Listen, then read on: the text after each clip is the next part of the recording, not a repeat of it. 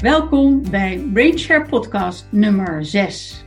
Vandaag is onze gast Dr. Cara Verdellen, klinisch psycholoog en cognitief gedragstherapeut en ook nog manager bij PsyQ in Nijmegen.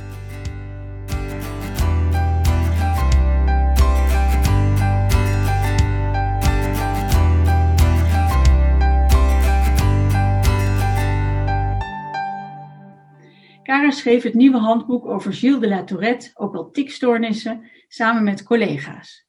Welkom Cara, wat fijn dat je je kennis over ADHD en tics met ons wilt delen.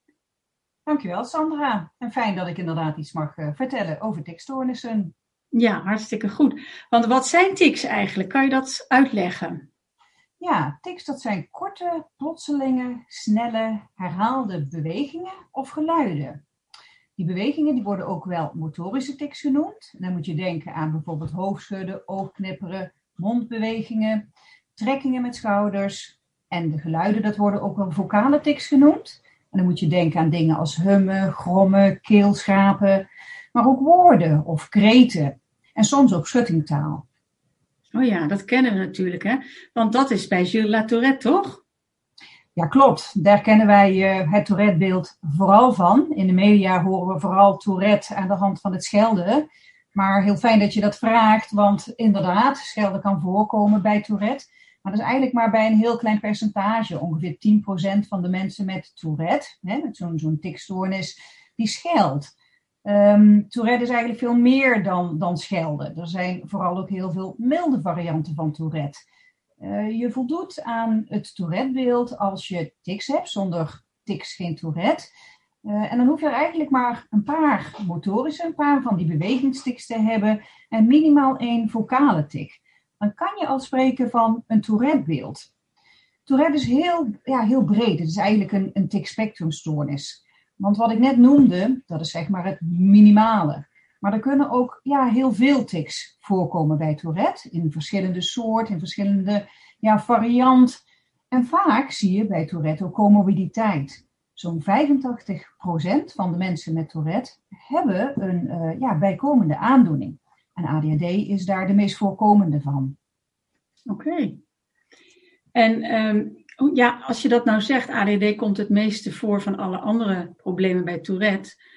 Um, hoe vaak is dat dan? Hoe vaak heeft ADHD Tourette en andersom? Ja, uh, als je kijkt bij de mensen met Tourette, dan um, kun je zeggen dat zo'n 50% van de mensen ADHD heeft, uh, tezamen met een tikstoornis als Tourette.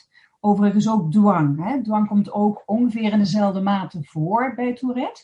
En dwang, dan gaat het vooral over de, ja, wat wij noemen de just right feelings. Dus bijvoorbeeld dingen herhalen of tellen ja, tot het goed voelt. Um, maar als het gaat om ADHD, dan inderdaad, zo'n 50% van de patiënten met Tourette heeft ook ADHD.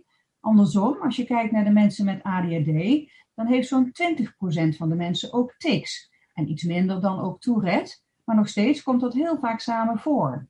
Mm. Nou heb ik wel eens gehoord dat tics altijd in de kindertijd beginnen. Is dat zo? Ja, dat klopt. Tics is net als ADHD een, uh, een aandoening zeg maar, die in de kinderleeftijd aanvangt. Het is een neurobiologische ontwikkelingsstoornis.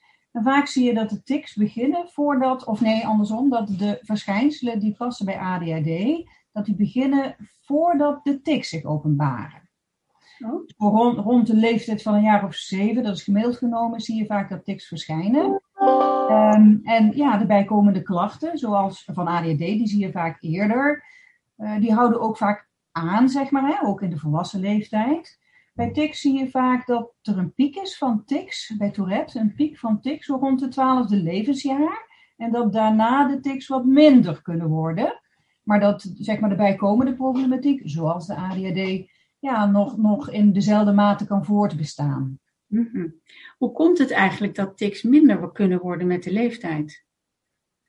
Ja, dat, we weten nog heel veel, we weten veel wel, maar ook nog heel veel niet. Um, en ja, dit is zoiets waarvan we niet zeker weten waardoor dat komt. Um, je ziet ook vaak dat kinderen bijvoorbeeld tics hebben in de kinderleeftijd die vanzelf weer overgaan, wat dan samenhangt met rijping van de hersenen.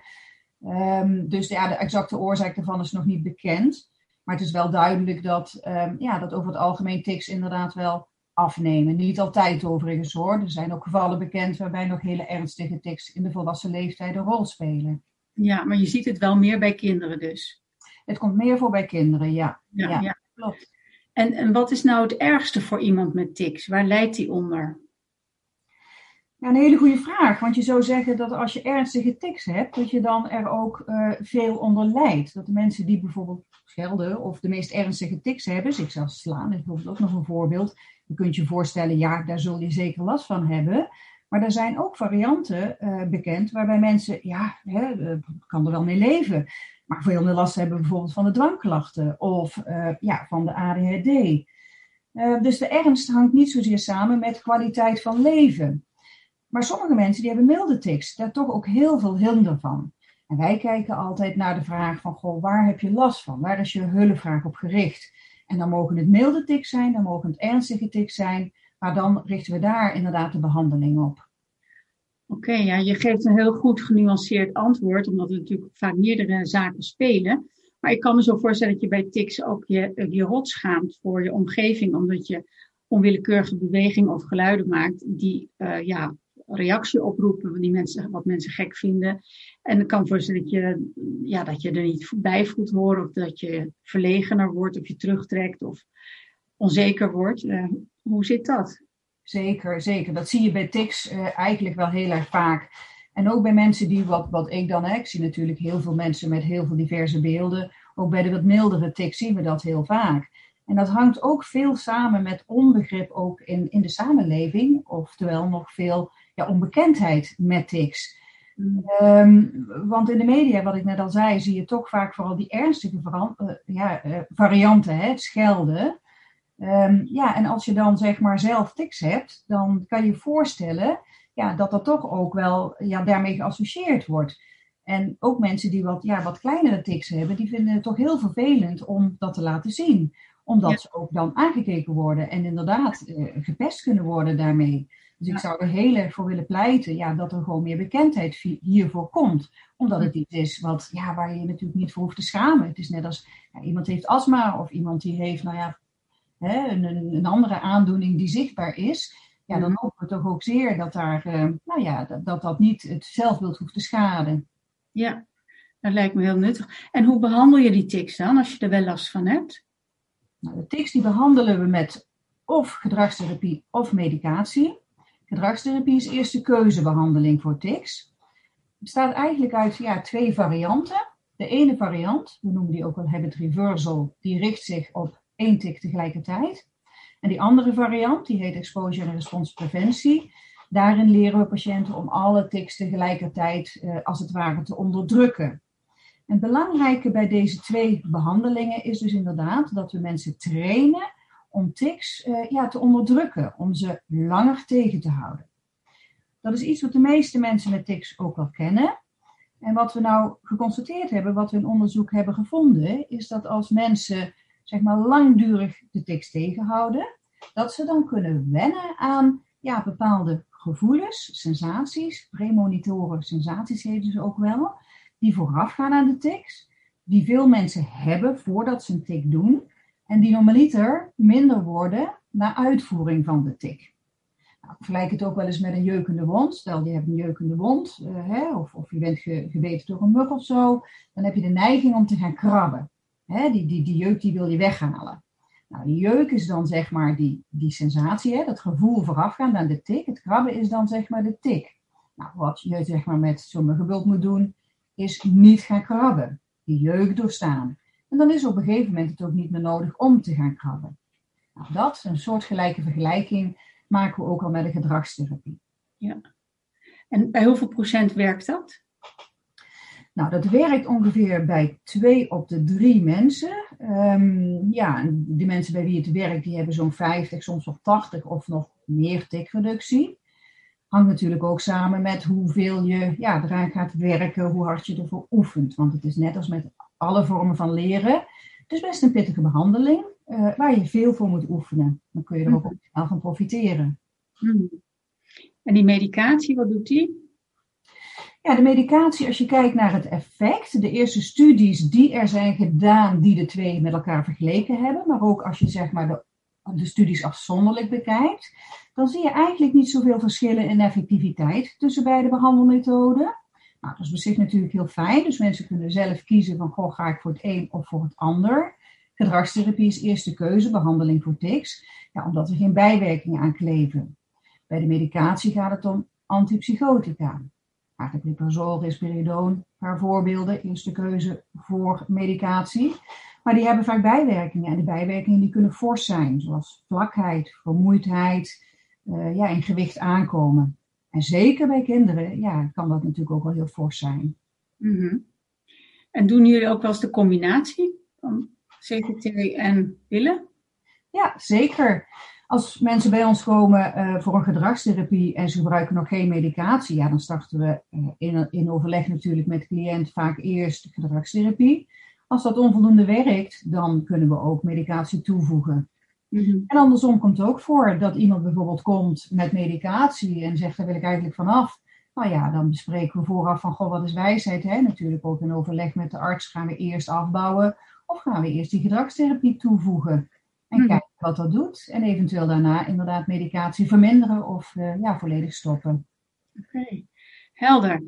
Nou, heel erg bedankt. Ik, ik heb nog een laatste vraag. Wat raad je mensen met ADHD en tics aan? Wat moeten ze vooral wel of niet doen? Of waar moeten ze aan denken?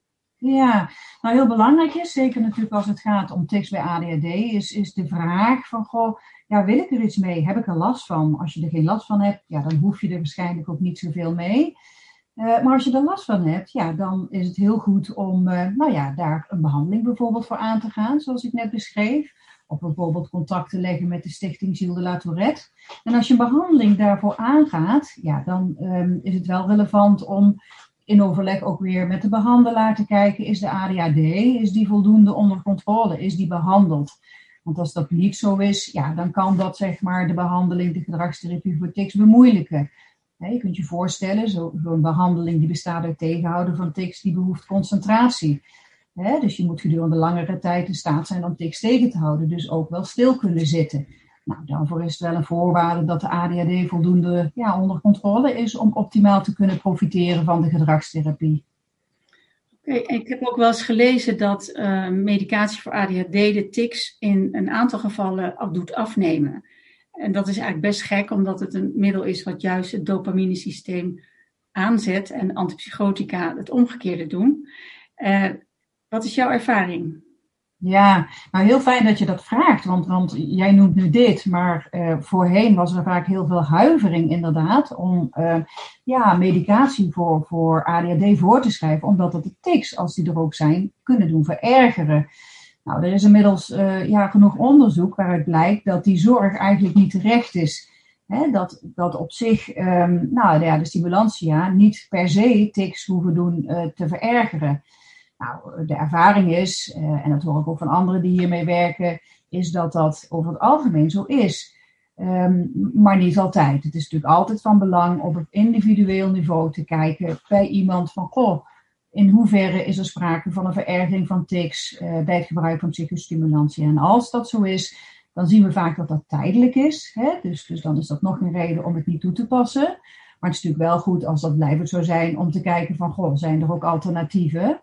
Dus uh, ja, het is wel een hele, hele belangrijke kwestie, vraag. Ja. ja, ik herinner me ook dat tics kunnen verbeteren hè, met, met stimulantia. Dus dat is het omgekeerde. Dus het, ja. je moet het eigenlijk gewoon proberen als het nodig is en kijken wat, hoe het gaat met de tics. Ja, precies. Want je kunt je ook voorstellen inderdaad dat op het moment dat iemand rustiger is, hè, door de ADHD-medicatie, dat dan ook overal de spanning minder is. En ja, bij minder spanning nemen over het algemeen ook tics af. Aha, kijk.